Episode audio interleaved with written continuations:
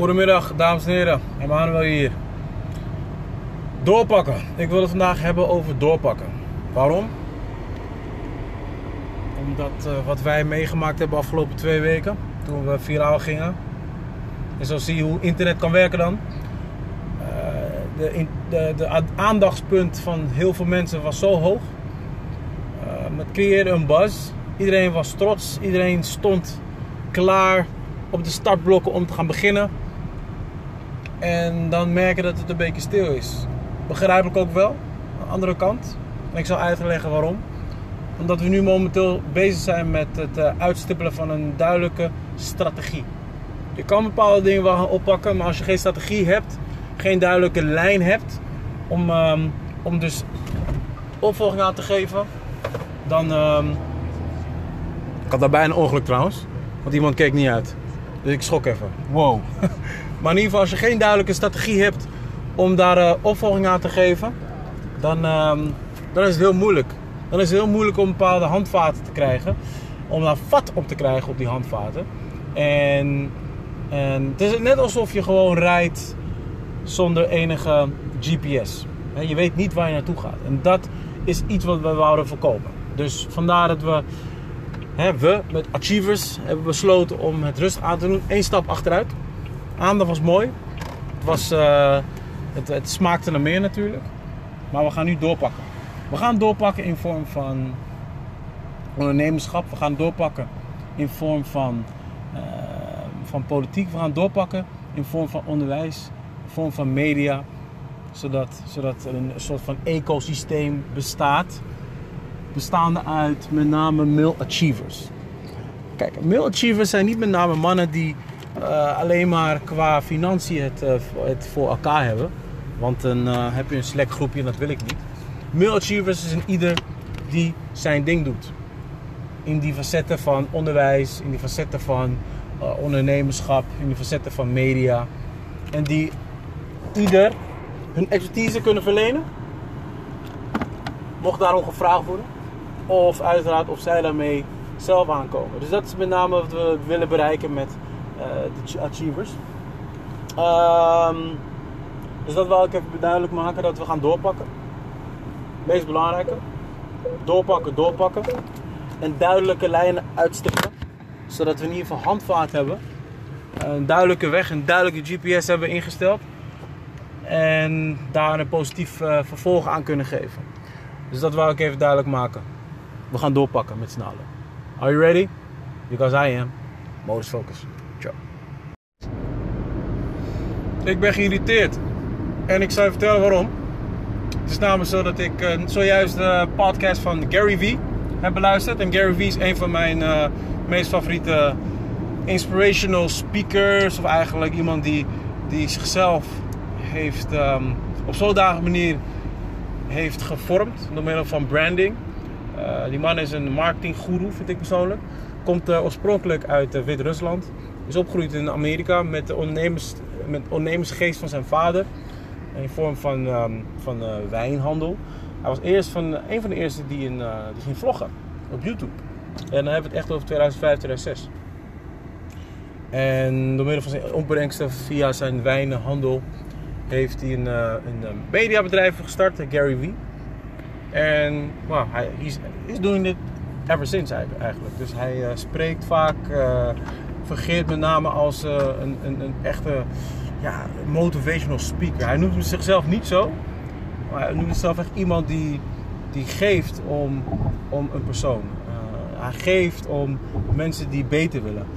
En, um, en, en, weet je, ik, ik heb deze podcast met name opgenomen omdat hij vertelde iets wat, wat, wat, wat gewoon zo, zo klopte naam iets over het onderwijsinstelling in de Westermaatschappij.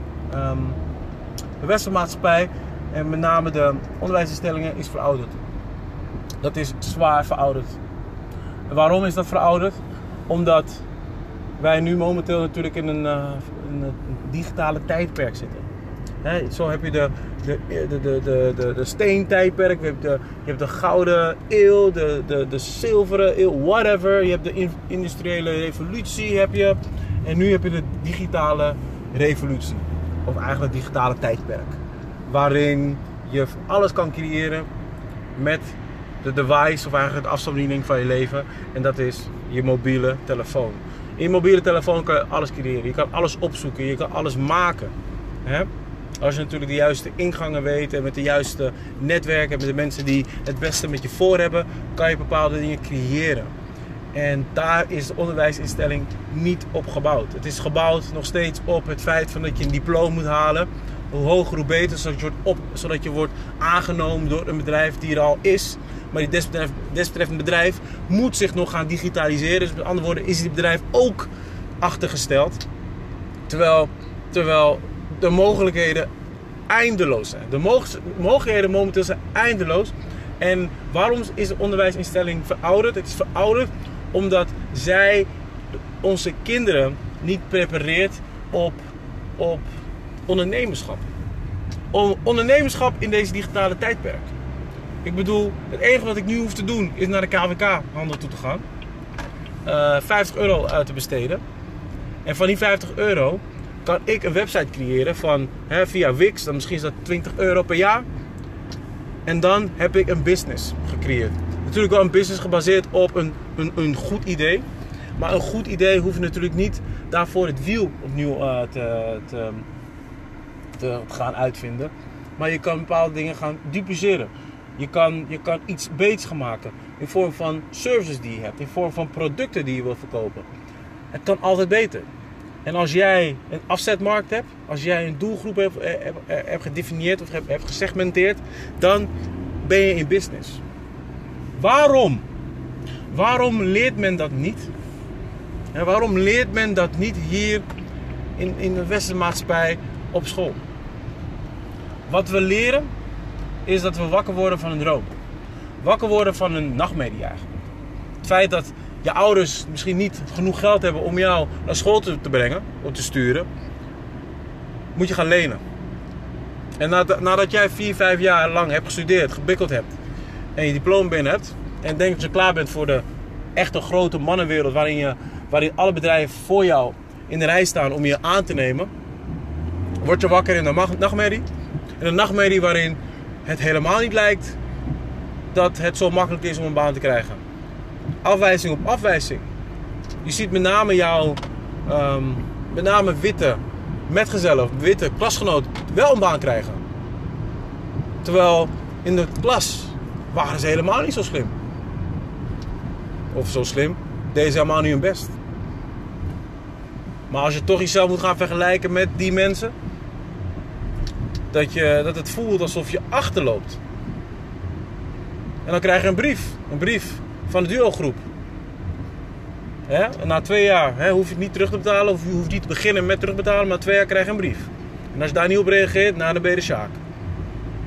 En als je bedenkt dat je misschien 40, 50.000 euro moet terugbetalen. En je misschien onder je niveau werkt, omdat je maar geen baan kan krijgen.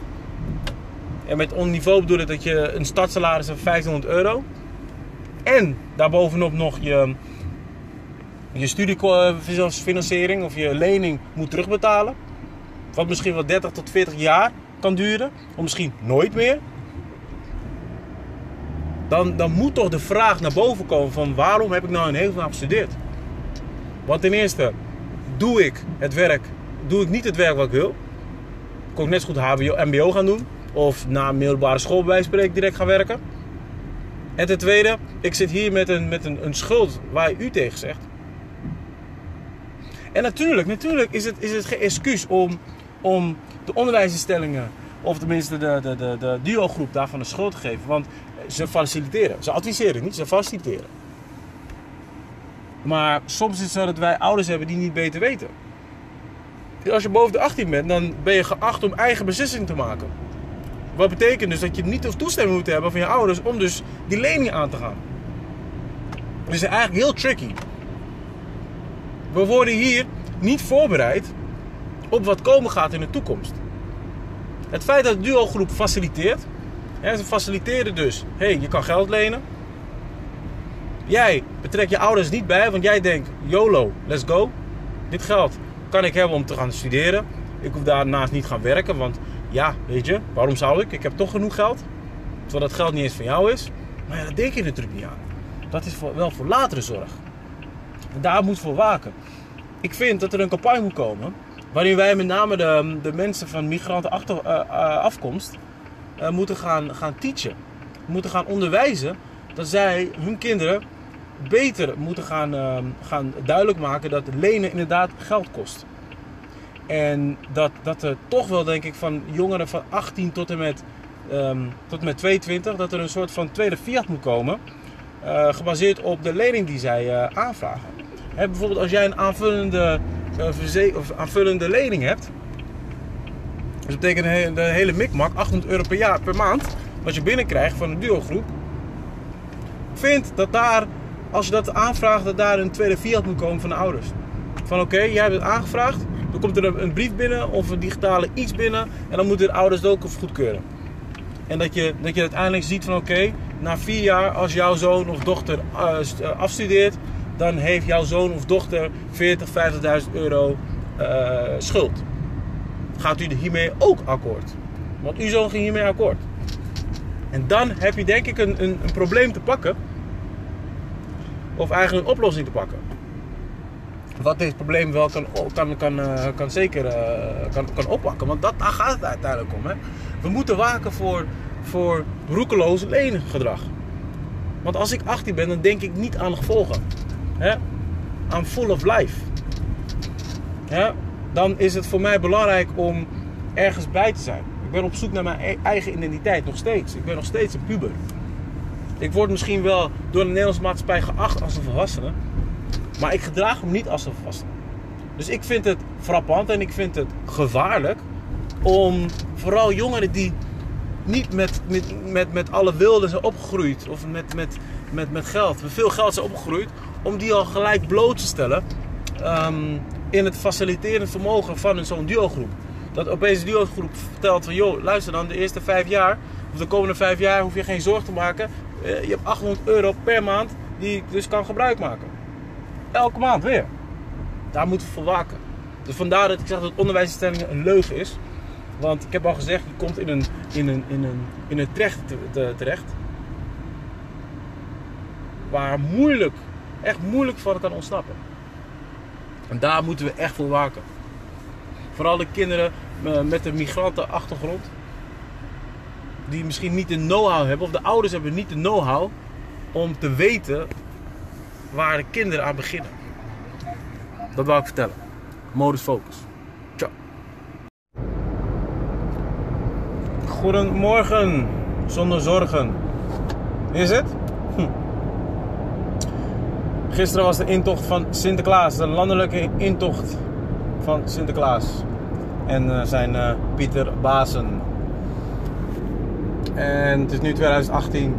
En ik kan je vertellen dat het nog nooit zo onrustig is geweest in Nederland onder de, onder de bevolking. Dat er een duidelijke ja, kloof is tussen pro-Pieten en anti-Pieten. Ik woon zelf in Den Haag en uh, tijdens het uh, joggen kwam ik dus voorbij uh, de Malieveld. Waar men dus ging protesteren tegen racistische karikatuur, de Zwarte Piet. En men kon niet verder. Of eigenlijk kon niet in het centrum van Den Haag. Men moest dus bij het Malieveld protesteren.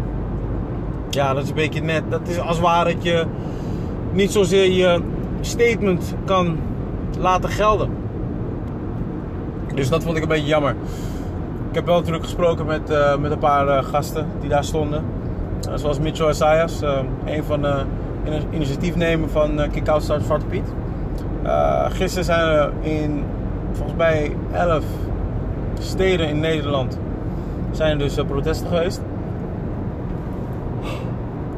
En het is gewoon bizar. Het is gewoon bizar om te zien dat, dat die anti- of die pro-pieten niet zozeer je alledaagse personen zijn. Nee, dat zijn nu hooligans geworden.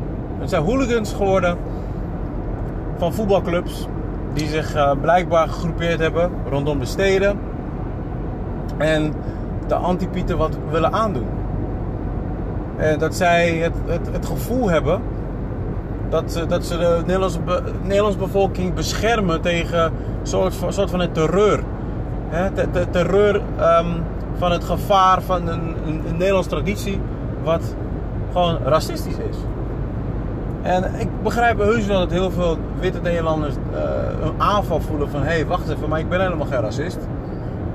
Dus um, dit, dit, dit, dit bevalt me totaal niet. Maar weet je, daar gaat het ook niet om. Ik bedoel, toen ik jong was, vierde ik ook Sinterklaas met Zwarte Piet. Ik heb Zwarte Piet altijd wel heel raar gevonden. Maar gelukkig heb ik wel de education gehad van mijn vader. Dat, weet je, dit fenomeen genaamd Zwarte Piet is iets wat, wat heel lang bestaat in Nederland. En dat heel veel Nederlanders misschien niet de link maken met uh, slaven. Oké, dat begrijp ik. Maar dat komt ook natuurlijk omdat dat niet verteld is. Maar als je teruggaat naar de, naar de geschiedenis en, en naar de echte oorzaak en het, het, het bestaan van Zwarte Piet, dan kom je erachter dat in Zwarte Piet wel, aan, wel een, een, een slaaf moet voorstellen. En daar begint het bij. Een stukje educatie. En nogmaals, ik begrijp heus wel dat het pijn doet. Dat een stukje eh, jeugd, eh, sentiment van je af wordt genomen. Bij voornamelijk de volwassene mensen. En tradities zijn er om aangepast te worden. Traditie is niet bindend. Want vroeger was het ook een traditie om slaven te laten ophangen aan een boom. Mensen kwamen met z'n allen. He, flyers werden uitgedeeld. Van jongens, om 12 uur, uh, vrijdagavond, vrijdag wordt er een slaaf opgehangen. Komt dat zien, komt dat zien. En men ging kijken. Dat was een traditie. Maar die traditie bestaat niet meer. Waarom? Omdat het gewoon unhumane is. Om een andere persoon op te laten hangen. Kan gewoon niet. En dit is precies dezelfde discussie. Zwarte Piet kan gewoon niet. Omdat Zwarte Piet een racistische karikatuur is. Van een zwart persoon. In een tijd waarin de slavernij genormaliseerd werd. Dus, weet je, wat is er nou zo moeilijk aan dat aan te passen? Dat aan te passen. Tuurlijk heb je te maken met een volk wat heel erg um, standvastig, is. Vooral als het komt op een uh, cultuur. Dat begrijp ik. Nederlanders zijn dat nou eenmaal. Maar blijkbaar moet je maar door blijven pushen en door blijven pushen. Totdat je tot een bepaalde zekere hoogte um, bijna er niet meer uitkomt. En met bijna niet meer uitkomt bedoel ik met name dat we nu zo ver zijn gekomen. Dat, dat we nu een duidelijke ja, strijd hebben tussen de pro-pieten en de anti-pieten. Een strijd tussen de pro-pieten en de anti-pieten, dames en heren. Dat hooligans zich nu geschaard hebben in, in deze strijd. Ik heb ze gezien gisteren in Den Haag. Haagse hooligans. Die rondom eh, de, de stad of het centrum van Den Haag zich gegroepeerd hebben. En uh, via mobieltjes even bellen van waar men staat. En als je dus alleen loopt hè, als, uh, als een antipiet, dan zou je wellicht wel um, mishandeld kunnen worden door de, die hooligans. En weet je, zo ver gaat het nu. En, en je moet hopen dat er natuurlijk niet um, gewonden vallen of zelfs een of doden vallen door, door, door, door dit fenomeen. Zwarte Piet. Dat hou je natuurlijk niet voor mogelijk. Maar laat wel wezen, dames en heren, dat het, dat het zeker niet uh, onrealistisch is dat zoiets mogelijk kan gebeuren. Laat daarvoor waken. Alsjeblieft, laat daarvoor waken. Dus bij de vraag, Emmanuel, wat vind jij van Zwarte Piet? Dat is, dat is niet eens een vraag. Dat is, dat is voor mij een, een, een, een, een ja, formaliteit van jongens, even serieus. Dat Zwarte Piet moet weg. Ja, ik, ik heb gezegd, het moet weg. Niet aanpassen, nee, het moet gewoon weg. Dat hoort gewoon niet meer bij het straatbeeld van 2018. Waarin Nederland oppert um, tolerant te zijn. Tolerant te zijn naar wie? Naar mensen in het buitenland of tolerant onder elkaar? Want dat zijn we blijkbaar dus niet. Dus Zwart Piet moet gewoon weg. En ik weet heus wel dat als je dat doet en zo rigoureus doet, dat er, dat er gewonden gaan vallen. Maar ja, dan moet je weer naar jezelf teruggaan van jongens, ben ik dan echt zo beschaafd zoals ze zeggen of niet? Want ik begrijp wel dat het medendeel van Nederland pro te zijn. Maar het komt met name omdat ze dus leuke jeugdherinneringen hebben gehad. Daarom is het ook de taak van de, van de overheid in vorm van het onderwijs om die mensen, hè, om die mensen, de jeugd, te educaten op waar Zwarte Piet vandaan komt. Taak van de politiek om orde te, te handhaven, te laten handhaven, om een duidelijke mening te verkondigen. Want onze minister-president die wil daar niet nu over praten, maar een andere keer. Nu moeten we zogenaamd gaan vieren. Nee, we moeten niet vieren, we moeten erover praten. Het is een hele gevoelig onderwerp voor heel veel mensen. Voor mij niet persoonlijk. Voor mij is het gewoon, ja jongen, even normaal doen. Uh, laat, het, laat het gewoon, dat is van de Piet. Dat moet gewoon weg. Tuurlijk zal ik niet veel vrienden maken hierdoor. Maar ja, weet je, in het leven kan je nou niet alleen maar vrienden hebben. Nee. Zo werkt het niet. Dus, uh, dit is mijn zegje hierover. Educate yourself. Sta ervoor open. En heb elkaar gewoon lief en respecteer elkaar. Let op elkaars gevoelens. Als iets niet meer kan, waarom kan iets niet meer? Luister. We luisteren niet naar elkaar. We praten over elkaar heen. En we willen onze boodschap maar verkondigen. Nee, we moeten luisteren naar elkaar. Want waar we ons nu druk om maken, dat kan niet. Dat kan gewoon niet. We moeten gewoon door communicatie, door, door communicatief te zijn, moeten we dit fenomeen genaamd Zwarte Piet in de band doen. Ik heb gesproken. Modus Focus. Ciao, It's Black Friday. Black Friday 2018.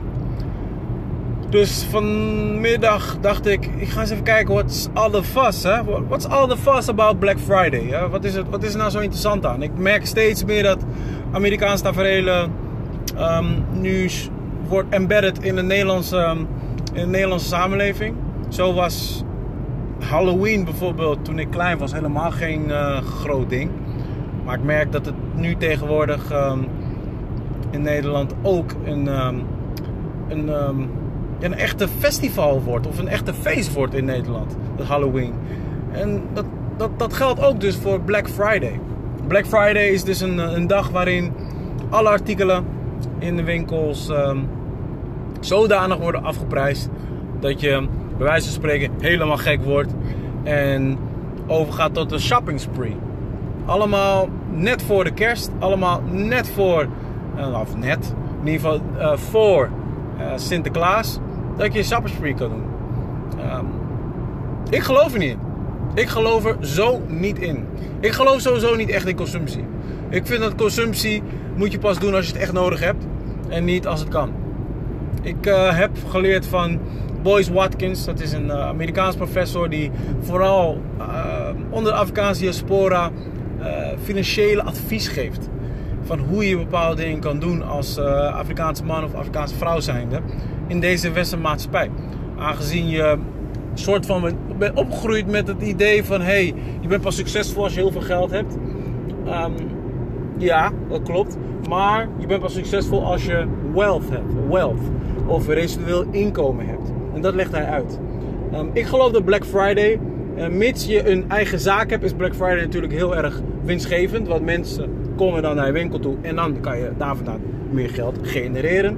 Maar ik geloof dat als je een consumer bent tijdens Black Friday, het woord zegt het natuurlijk al, dan ben je alleen maar aan het consumeren en dan verlies je het geld.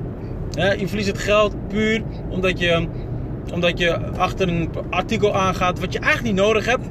Maar alleen maar omdat op die desbetreffende dag die artikel met 30% is afgeprijsd, moet je het halen. Leuk en aardig, maar je verliest geld. En als je geld verliest, dat betekent dat je wealth verliest. Want dat geld is niet een residueel inkomen. Nee, dat geld is dat geld wat je, wat je hebt verdiend door hard te werken. Uh, hard te werken, waar je uiteraard ook belasting over betaalt over je loon. Plus nog het feit dat je iets koopt wat je eigenlijk niet nodig hebt, maar omdat je je laat meeslepen door alle merchandise of alle marketing en, en, en, en reclamecampagnes op tv, uh, via social media, laat je je dus gek maken om dus die stap te maken om iets te, te kopen wat je totaal niet nodig hebt. Dus vandaag Black Friday, ik geloof er niet in.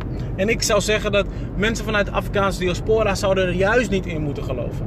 Maar weet je, het is nou eenmaal zo dat wij, met wij bedoel ik de mensen van Afrikaanse komaf, zijn de grootste consumers. Wij zijn de grootste consumers. Wij kopen, kopen, kopen, kopen, maar investeren niet.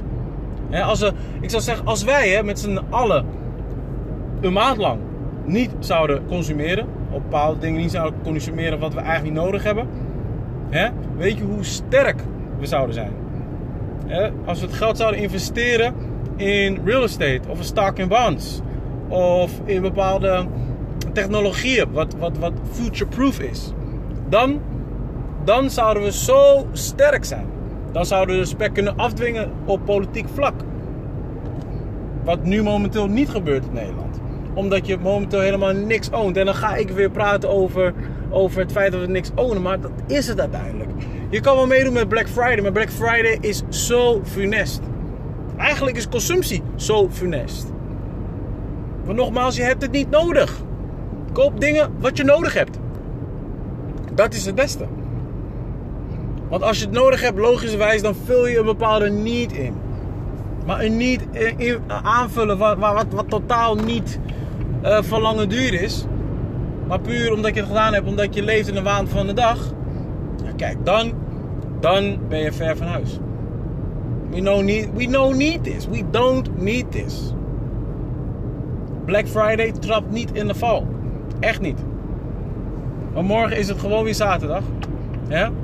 Als het goed is heb je vandaag je, je salaris ontvangen door Black Friday. En heb het gevoel dat je, dat, je, dat je top the world bent, want alles is goedkoper. Maar weet je, die hele filosofie is, als alles goedkoper is, dan, dan, hè, dan raak je juist in een shopping spree. En dan besteed je meer dan dat je, dan dat je normaal gesproken zou gaan winkelen. Dus je bent sowieso meer geld kwijt tijdens uh, Black Friday. Maar dat is een hele psychologische werking van die hele marketingcampagne. Is dat je juist meer gaat uitgeven. Dat weten zij zelf ook wel. Dus val niet voor die trap. Koop dingen als je ze echt nodig hebt. En laat Black Friday voor diegenen die te veel geld hebben. Laat het voor hun. Jij, jij moet investeren. Jij moet je geld investeren en verstandig omgaan met je geld. Doe je dat niet, dan loop je altijd achter de feiten aan. En dan wacht je weer tot je salaris wordt uh, gestort, eind van de maand. Zorg ervoor dat je in ieder geval geld overhoudt. Omdat je geld investeert. Zodat je over 10 jaar kan praten van, hey, weet je, ik heb geld on the side. En ik heb helemaal geen Black Friday nodig om bepaalde dingen te gaan kopen. Weet je waarom? Genoeg geld heb je toch al. Modus focus. Ciao.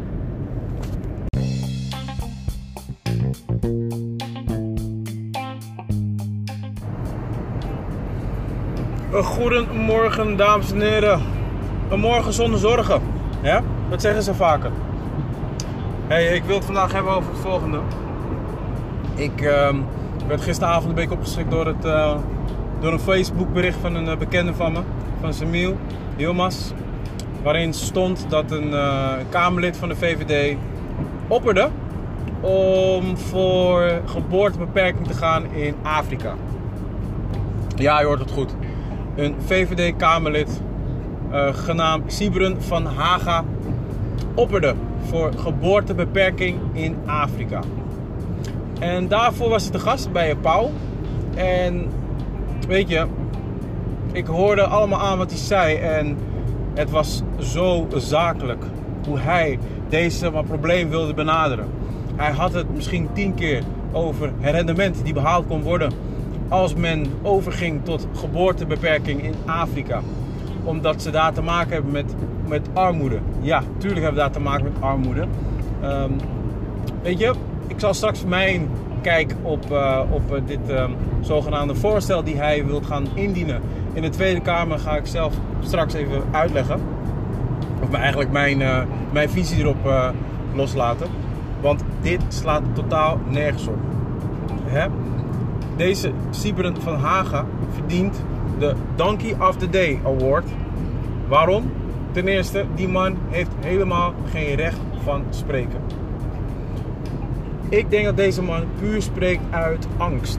Want waar gaat het hier eigenlijk om? Wat, wat is nou precies de reden dat hij, hij is een huisjesmelker, zich wil gaan bemoeien met, met alle gang van zaken in Afrika? En dan komt met een oplossing om dus te komen tot geboortebeperking. Komt er eigenlijk op neer dat je te maken hebt met genocide. Want je vermoordt mensen. Hoe je of verkeerd. Je, je, je vermoordt mensen. Tuurlijk zullen ze vertellen van nou deze mensen zijn er nog niet.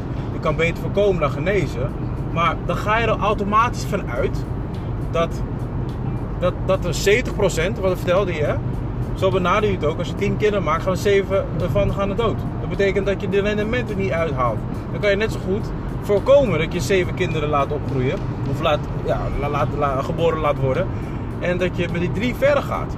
Of verder gaat dat je gewoon met drie kinderen verder gaat. En niet met zeven additionele kinderen uh, uh, op de proppen komt. Dat wil hij ermee zeggen. Maar het slaat totaal nergens op. Want dit is, dit is gewoon pu pure larikoek. Die man heeft te veel Sesam, Sesamstraat gekeken. Want ik benader vaak en graag dingen vanuit, een, um, uh, vanuit feiten. Vanuit cijfers. Oké. Dus hij vindt dat Afrika hm, Afrika, ik weet niet waar in Afrika, maar oké. Hij vindt dat Afrika te dichtbevolkt wordt. Of te druk. En dat een van de uitdagingen vanuit de westenmaatschappij is, um, ja echt letterlijk, reductie van de mensen. Dat elke grote eh, bedrijf of eh, enterprise heeft dat heel hoog in hun agendapunten. Het is geboortebeperking. Dat heeft um, Bill Gates een tijd geleden ook verteld we moeten ons waken voor, voor um, ja, de, de, bevolkingsdichtheid. dan vind ik het wel frappant. De bevolkingsdichtheid, waar hebben we het hier over? Want ik heb het even, ik heb het even onderzocht hè? in Afrika, gemiddeld gezien uh, hoeveel mannen per kilometer woont. En dan heb je ongeveer uh, ja, ruim ongeveer 10 landen. Waarbij dus je kan praten over inderdaad dat daar heel veel mensen wonen. En met heel veel mensen, daar heb ik het over gemiddeld gezien 300 man, 300 man, hoor je me? 300 man per kilometer. Voor je? 300 man per kilometer, dames en heren. Dat is helemaal niks. En als je die vergelijking stelt met de rest van de wereld, in dat geval laten we als voorbeeld opnoemen Europa. Of weet je, nee, we gaan gewoon even vergelijken met Nederland. Met Nederland hebben we hier te maken met een bevolkingsdichtheid. En dan pakken we even de Randstad. Hè, loop van gemiddeld gezien 1000 man per kilometer. Afrika, dus hè, Ghana in dat geval, waar ik vandaan kom, heeft een bevolkingsdichtheid van 300 man per kilometer. En in de Randstad, in Nederland, hebben we gemiddeld gezien iets van 600, 700 mensen per kilometer. Moeten we hier ook soms een geboortebeperking gaan, uh, gaan indienen? Hè? Wat the fuck? Waar hebben we het hier over? Wat praten we over? Kijk, het feit dat armoede is in Afrika komt door. Hè, eh, het, het, het, heeft eigenlijk twee, um, twee um, um, redenen. De eerste reden is natuurlijk die ontwikkelingshulp. Ontwikkelingshulp is goed, is mooi, is perfect. Tuurlijk.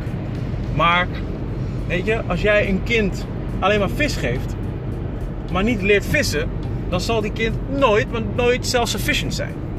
We zitten nu in Afrika in de urge van self-sufficiency. Dus van zelfredzaamheid. Dat men zelf gaat vissen. We are beyond aid. In Ghana tegenwoordig is er een grote campagne gaande waarin onze president Nana vertelt: jongens, van het Westen. We hebben jullie geld niet nodig. Hoor je dat? Siebrand, we hebben jullie geld niet nodig. Die 10 miljoen die die Siebrand, of Siebren, hoe die ook mag heten, wilt gaan investeren om, uh, om uh, geboortebeperking in Afrika tegen te gaan, dat hebben wij niet eens nodig. Hij weet niet eens wat de ontwikkelingen zijn in Afrika. Waar in Afrika vragen we dan af? Want dat is ook zoiets tijdens Pauw. Kijk, ik vond het teleurstellend. Dat, kijk, Pauw was wel kritisch, maar niet zo kritisch. Pauw had hem niet aangevallen op feiten. Feiten van dat in Nederland de bevolkingsdichtheid veel hoger is dan in Afrika. Waar hebben we het over? Even serieus, waar hebben we het over? Waarom ging hij niet in op de feiten? Hij had het over rendement en over een totaalpakket wat hij kon aanbieden aan de Afrikaanse landen om dus die geboortebeperking in te, in te laten lassen. Waar hebben we het over? Die man zag het puur als een soort van onderneming waarin misschien wel winst uitgehaald kan worden. Kijk, waar dit allemaal eigenlijk om gaat en de kern van het verhaal is de angst, de angst van immigratie vanuit Afrika naar Europa. Ja, tuurlijk, als Europa zichzelf presenteert als de paradijs van de wereld, dan, dan, dan tuurlijk gaan de mensen daar naartoe. Want die willen ook overleven. Dat, is nou, dat zit nou eenmaal in ons bloed. Hè? The survival of the fittest. Als jij om je heen helemaal geen, geen business ziet, geen, geen flourishment van, van, van businesses en van mogelijkheden en van, van, van, van, van, uh, banen en zo, werkgelegenheid in dat geval, dan ga je het elders zoeken. Dan ga je het gewoon elders zoeken. Dat is normaal. Dat is nou gewoon de tendens van ons, van ons, van, van ons mens zijn. Als je dat probeert tegen te houden, dat gaat niet.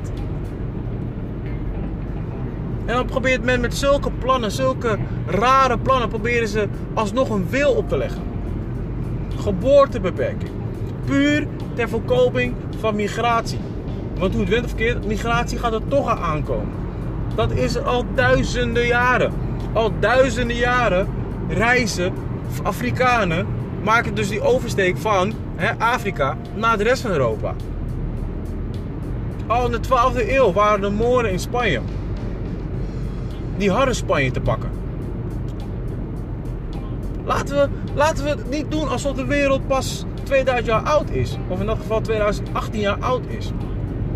Nee, het is tienduizenden jaren oud. Met beschavingen van meer dan 10.000 jaar.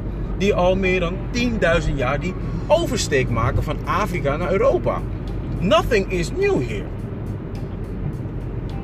Het enige wat ons op eerste instantie zo van, van elkaar heeft doen drijven qua, qua, qua uiterlijk, is de ijstijd. Want door de ijstijd kon men die oversteek niet maken van Afrika naar de rest van Europa, omdat het veel te koud was, joh. Men bleef dan in, Afrika. En diegenen die al eerder die oversteek gemaakt hadden van Afrika naar Europa, bleven hangen. En als je het hebt over 10.000 jaren evolutie, ja, dan word je vanzelf lichter. Door tekort aan vitamine D. Dan ga je vanzelf aanpassen aan de omgeving. Dan krijg je vanzelf lang haar om je oren te beschermen. Hè? En dan, dan, dan, dan, dan, dan, dan gaat je lichaam zich zo aanpassen aan de omgeving. Waardoor je inderdaad een witte huid krijgt. En that's it. Dat is het verschil tussen ons twee, dames en heren. That's it. Maar deze mensen die, die, die nu zogenaamd regeren over Nederland, komen met zulke nutteloze ideeën plannen om tot geboortebeperking te komen. Een land als Nederland gaat in Afrika lopen zeggen dat ze, dat ze, dat ze niet, geen kinderen moeten krijgen omdat ze te arm zijn. besef je even welke, welke, welke arrogantie er hier spreekt. En welke superioriteit denken er hier heerst. Men vindt jou dus met andere woorden arm, geen moe waard. Dus jij moet geen kinderen krijgen, want dan ga je ons daarmee lastigvallen later. Doordat die kinderen van jou die oversteek willen maken naar Europa. Maar de situatie is nu zo dat in China bijvoorbeeld, want daar hebben we niet eens over. We hebben niet eens over de bevolkingsdichtheid van een Azië. Zoals in China, zoals in India. Nee hoor, daar hebben we niet over. We hebben het over Afrika, omdat Afrika natuurlijk dicht bij Europa is. Dus dan weet je wat de kern van het verhaal is. Men wil gewoon voorkomen dat immigratie hier komt in Europa. En dat Europa straks zijn zogenaamde cultuur verliest. Nederland in dat geval, zijn cultuur verliest. Door, doordat alle mannen met de witte vrouwen zullen gaan. Omdat we nou eenmaal, ja, eenmaal genetisch gezien beter, superieur zijn dan de witte man. Dat is een feit, dat is, dat is nou eenmaal zo. En dan hebben we het over de fysieke gesteldheid. Van survival of the fittest, natuur luister maar naar één ding. Niet naar hoe slim je bent, maar naar hoe sterk je bent. En hoe sterk je eh, bepaalde situaties kan overleven. En nothing more, nothing less, dames en heren. Echt waar. Dus wat die Siebrand allemaal vertelde. Siebrand van Haga. Ja, lacht een beetje zoals Pino van Sesamstraat. Is larikoek. Het is bullshit. Het is gebaseerd op helemaal niks. Het is gebaseerd op angst. En met zijn angst wil hij 10 miljoen gaan investeren. 10 miljoen is niet eens genoeg. 10 miljoen is niet eens genoeg. In Afrika. Waar in Afrika ten eerste? Lach ze hem uit met deze voorstel. Maar het slaat totaal nergens op. In plaats dat je gaat bouwen in Afrika, in plaats dat je gaat investeren in Afrika, dat je de mensen leert vissen in Afrika, en in plaats van die, die shit ontwikkelingshulp, kom je met zulke plannen. Dus voor mij, voor mij is die Sibren van Haga de donkey of the day. Met zijn rare geboortebeperkingsplannen. I'm out. Modus focus. Ciao.